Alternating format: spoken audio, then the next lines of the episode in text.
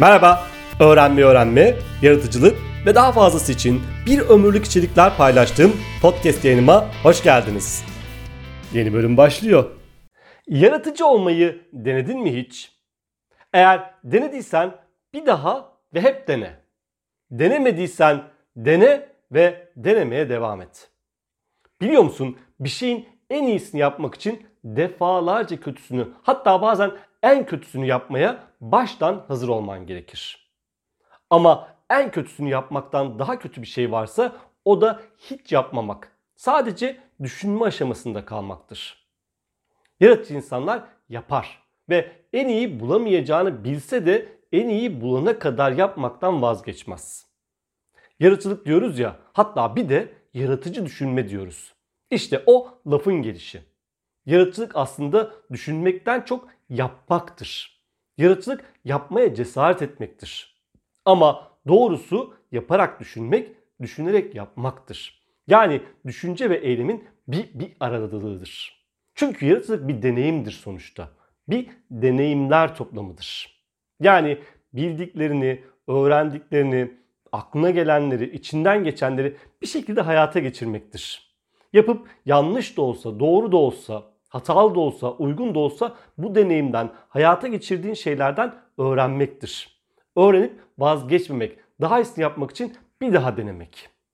Ve her şeyin ötesinde en iyi diye bir şeyin olmadığını bilmek. Bu Leonardo da Vinci gibi düşünmenin ikinci boyutunu ifade ediyor. Ben de bugün bunu anlatacağım. Yaratıcılık için Leonardo da Vinci gibi düşünmenin ikinci yolundan, demonstrasyon eden, deneyim yoluyla bilgiyi test etmekten bahsedeceğim. Hazırsan hadi başlayalım.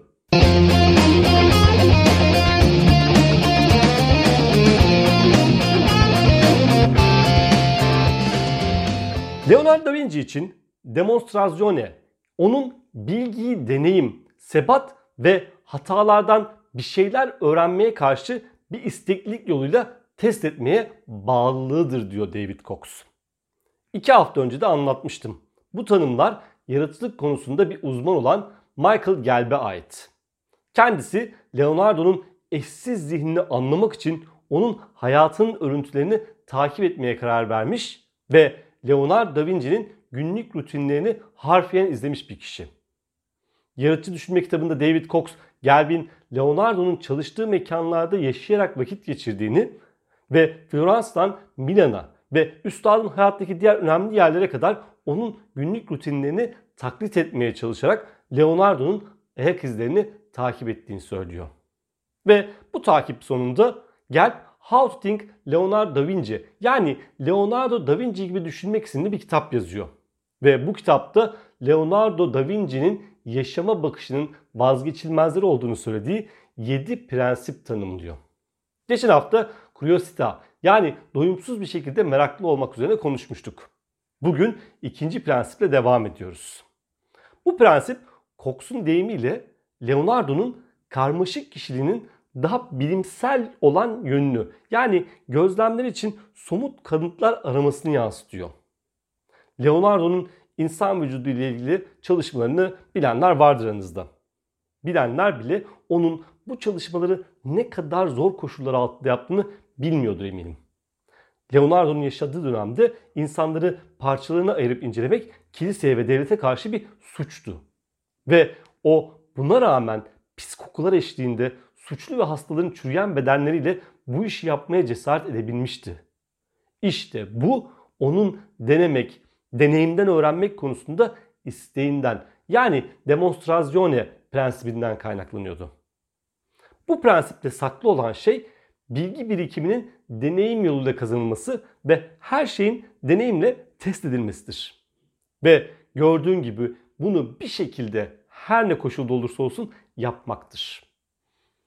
Yaratıcı insanlar hiçbir şeyin mükemmel olamayacağını, en iyi olmak diye bir şeyin olmayacağını bilirler. Ama yine de yapılabilecek en iyi yapmak için olabildiğince çok denerler. Akıllarındakileri, hayat hayal ettiklerini hayata geçirmek için tüm becerilerini kullanırlar. Hatta becerilerini e, böyle akıllarındakileri ifade etmek için yeter değilse bu süreçte yeni beceriler geliştirirler. Örneğin kitabında da örnek verdiğim gibi Charlie Chaplin'in The Immigrant isimli 20 dakikalık kısa filmi için binlerce çekim yapması tam da bunun örneğidir. Ya da Şehir Işıkları filminde iki sözden oluşan tek bir repliği bulunan oyuncu Virginia Cheryl Chaplin'in isteği sonucunda bu repliği tam 342 kez tekrarlaması bunun bir başka örneği. Bakın dikkat edin. Charlie Chaplin binlerce kez düşündü demiyorum.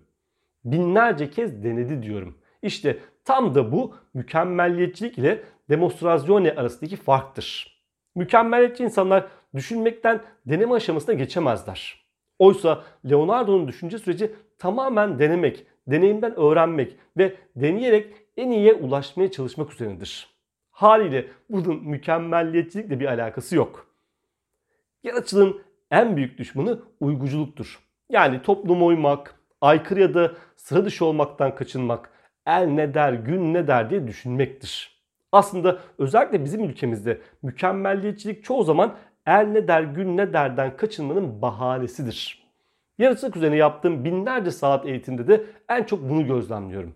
Katılımcılar bir şeyler yaratmaktan çok onu paylaşmaktan çekiniyorlar. Paylaşırken de pek çok mazeret ve özürler eşliğinde yapıyorlar bunu. Hatta çoğu zaman göstermekten çekindikleri, insanların eleştirilerinden korktukları için onlardan istediğim bazı uygulamaları yapmıyorlar bile. Yaratıcılık ile ilgili en büyük sorunumuz bu. Denemiyoruz. Denesek bile denemeye devam etmiyoruz. Oysa Leonardo da Vinci dahil tüm yaratıcı insanlara baktığımızda onları sıradan insanlardan ayıran en önemli özelliklerden birinin denemek olduğunu görüyoruz. Yaratıcı olmayı deniyorlar. Yaratıyorlar ve sabırla bunu yapmaya devam ediyorlar. Oysa sıradan insanlar bunu onların bir defada böyle birdenbire ilham perisi geldiğinde yaptığını yaptığını zannediyor. Ama yaratıcı olmanın, yaratıcı olmayı denemekten, yaratmak istediğin şeyi defalarca yapmaya çalışmaktan, yaptıkların üzerine düşünmekten, düşünüp daha iyisini yapmak için yeni bir deneme yapmaktan başka bir yolu yok. Edison binlerce kez farklı malzemeyi kullanarak denemeseydi ampul için uygun malzemeyi bulamazdı herhalde. Hadi sen de benim anlatacaklarımı dinledikten ya da okuduktan sonra bir adım at. İki kelime bir şeyler karala. Bir video çek, bir ses kaydı al, bir ritim tut, bir şeyler çiz, karala. Artık sana uygun olan her neyse onu yap. Ve yapmaya devam et. Yaptıklarını da korkmadan cesaretle birileriyle paylaş. Hatta bence yapabilirsen sosyal medyada paylaş. İnsanların eleştirilerine gözlerini kapatmayı öğrenmenin en kestirme yolu bu. Eğer bu cesareti gösterirsen hem, hem çevrendeki insanların hem de kendi kendinin o yargılayıcı seslerini susturmayı e, susturmaya başladığını, içindeki o yaratıcı gücün daha fazla özgüven kazandığını ve daha yaratıcı işler yapmaya başladığını göreceksin. Aptal olmaktan, aptal gibi görmekten korkma. Yaratıcılık gibi büyük bir güce sahipken bunu kullanmamaktan daha aptalca bir şey olamaz emin ol. Özetle yaratıcılığın nasıl bir şey olduğunu, yaratıcılığı kullanarak neler yapabileceğini denemeden bilemezsin. Yaratıcılık için Leonardo da Vinci gibi düşünmenin ikinci yolu bu.